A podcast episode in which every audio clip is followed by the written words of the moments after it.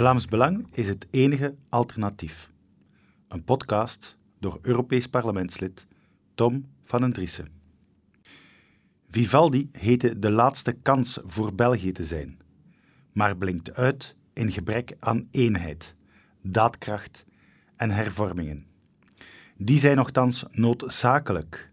Pensioenen worden onbetaalbaar. De energiebevoorrading is niet verzekerd. De fiscale druk is moordend. Het begrotingstekort is bodemloos. De drugsoorlog ontspoort. De asielchaos is totaal. Ze hebben de controle verloren en spelen met de toekomst van onze kinderen en kleinkinderen. Iedereen weet het, maar er verandert helemaal niets. Het Belgisch systeem loopt volledig vast. Eminente politieke journalisten zoals Ivan de Vadder beschrijven dit als de wanhoop in de wedstraat, terwijl Rick van Kouwelaert deze Vivaldi-regering zelfs als nog erger inschat dan het malgoverno onder voormalig premier Guy Verhofstadt van de VLD.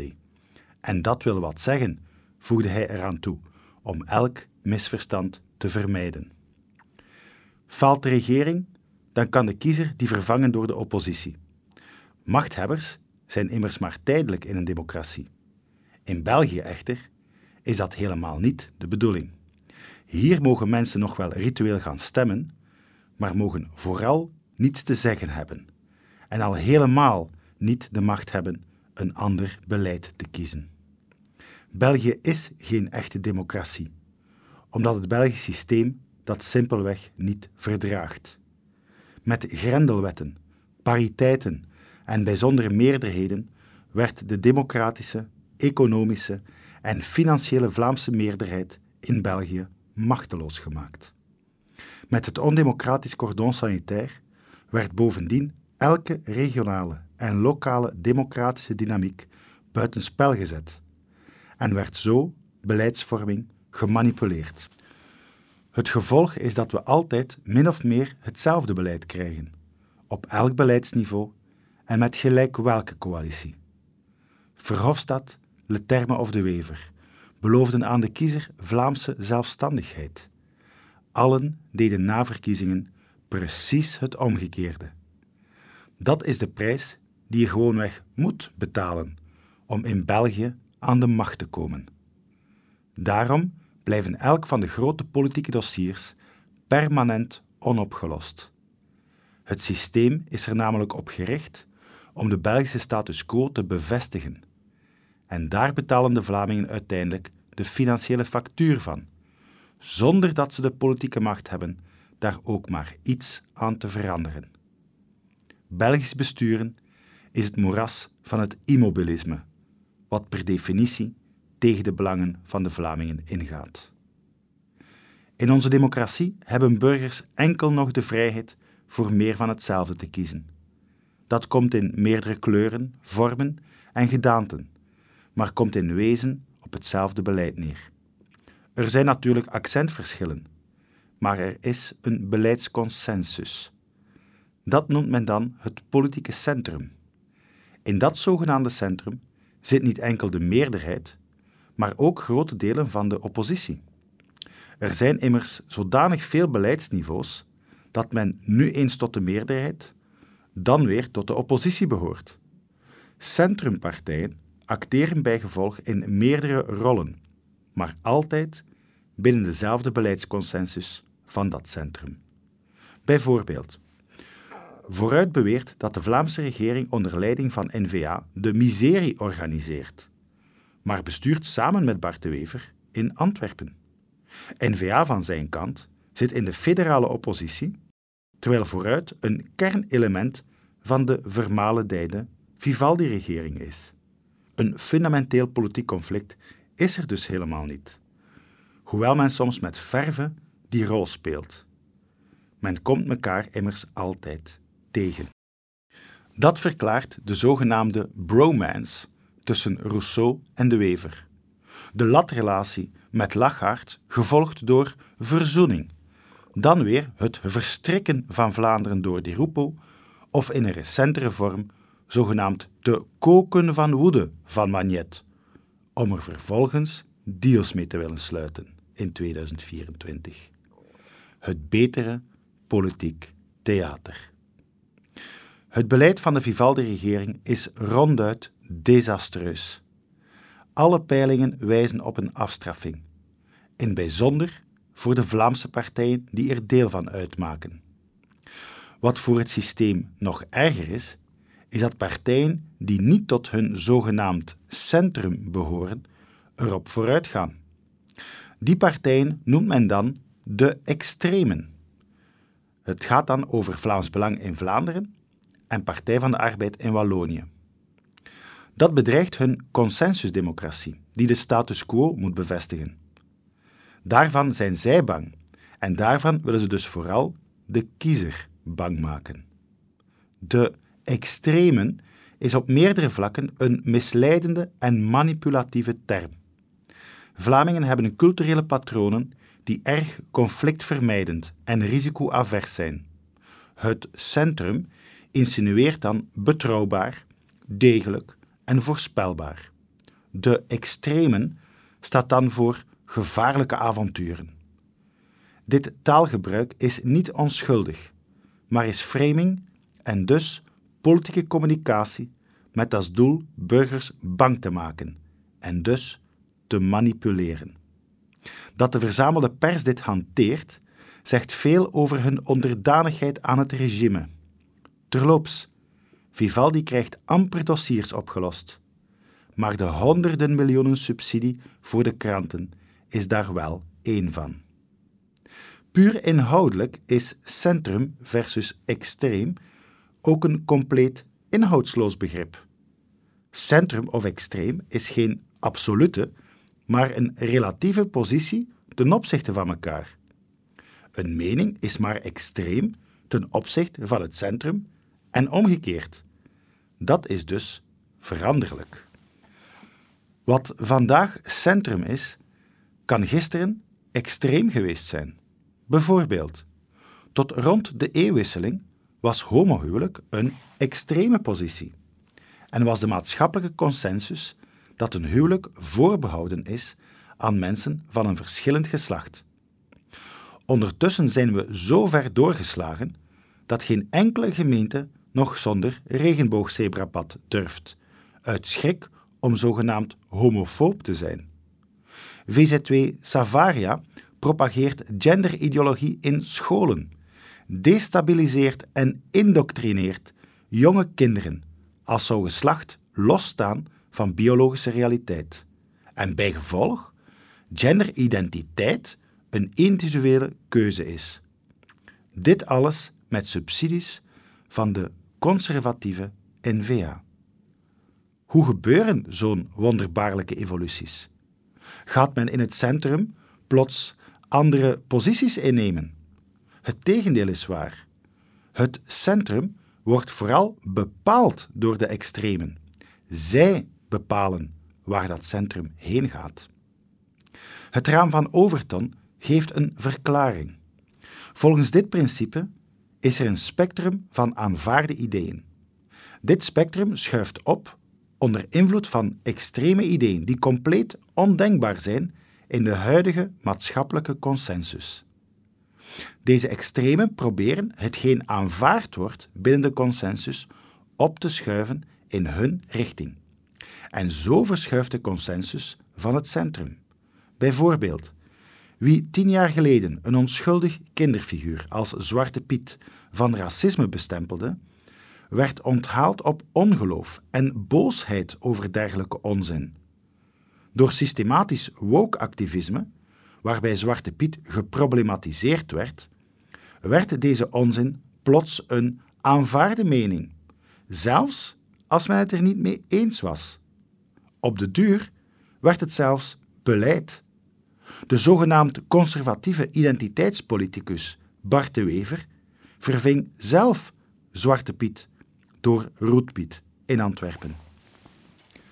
Met andere woorden, de extremen behoren zelf tot de normaliteit van een politieke dynamiek, waarbij men een politieke strijd voert tussen ideeën met als inzet de maatschappelijke consensus en het beleid. Wie de extremen uitsluit, wil het politiek debat en de botsing tussen ideeën neutraliseren. Dat gebeurt echter niet in alle richtingen. Vlaams Belang bijvoorbeeld wordt uitgesloten van het beleid door een ondemocratisch cordon sanitair. Maar PvdA helemaal niet. Men wil met andere woorden dat het raam van Overton door links gehanteerd wordt om het maatschappelijk debat te beïnvloeden en finaal het beleid te vormen. Maar men wil tegelijkertijd verhinderen dat de rechterzijde hetzelfde doet. Dat maakt de rechterzijde binnen het zogenaamde politieke centrum weerloos tegenover de continue agitatie van de extremen op links, waardoor ze vroeg of laat altijd verliezen en zich onderwerpen aan de consensus opgedrongen door links. Dat betekent meteen ook dat er niet zoiets bestaat als de extremen, maar er slechts één enkel extreem is dat niet tot het centrum mag behoren. Of correcter gezegd, dat het politiek systeem waartoe alle partijen behoren, die meer van hetzelfde betekenen, en er dus maar één oppositie, één alternatief voor is, en dat is het Vlaams Belang. P van de A is niet meer dan getolereerde en gecontroleerde oppositie, die op het einde van de rit als noodrem dient om het systeem in stand te houden. Maar is het Vlaams Belang eigenlijk wel extreem ten opzichte van de overtuigingen van de Vlamingen? Bij de verkiezingen van 2019 evalueerde de Universiteit Antwerpen de positie van de verkiezingsprogramma's op een socioculturele en op een socio-economische as. Ze vergeleken dit met de positie van hun kiezers en van de gemiddelde Vlaming. Partijen bleken op CD&V na, maar die partij weet eigenlijk zelf niet waarvoor ze staat, extremere posities in te nemen dan hun kiezers. Dat is te verklaren doordat partijen vooral het verschil met andere partijen willen benadrukken. Kiezers van hun kant begrijpen ook dat je extremer moet stemmen om de balans in de politiek te doen overslaan. Tien vragen om vijf te onderhandelen, zeg maar. Echter, dit is onvolledig. De gemiddelde partijkeuze van de Vlaming is socio-economisch centrumrechts. Vlaams Belang zit exact op deze gemiddelde centrumrechtse positie. Terwijl N-VA zelfs extreem liberaler dan VLD staat. Erg ver verwijderd van wat de gemiddelde Vlaming en ook hun eigen kiezers daarvan vinden. Alle linkse partijen van hun kant staan mijlenver af van deze gemiddelde Vlaming. Sociocultureel is de afstand tussen Vlaams Belang en N-VA verwaarloosbaar. Alle linkse partijen in Vlaanderen hebben een grotere afstand tot de gemiddelde Vlaming. Vlaams Belang is socio-economisch een centrumrechtse partij en sociocultureel, samen met N-VA, even extreem dan linkse partijen. Voor de gemiddelde Vlaming is Vlaams Belang dus helemaal geen extreme partij. De partijen die tot het zogenaamde centrum behoren, in bijzonder de linkse partijen, zijn dat wel. De consensus van aanvaarde ideeën van de politieke en culturele elite staat met andere woorden mijlenver af van de consensus die onder het volk leeft. En Vlaams Belang is de democratische uiting van deze disconnectie van de elite met het volk. Het Belgisch systeem blokkeert totaal, omdat het gebouwd is om de democratie te negeren, dus tegen de belangen van de Vlaamse meerderheid te besturen. De traditionele partijen, liberalen, socialisten en christendemocraten, hadden als primaire functie het Belgisch systeem te verdedigen tegen de Vlamingen. Die partijen imploderen daardoor gestaag. Verkiezing na verkiezing kalven ze verder af.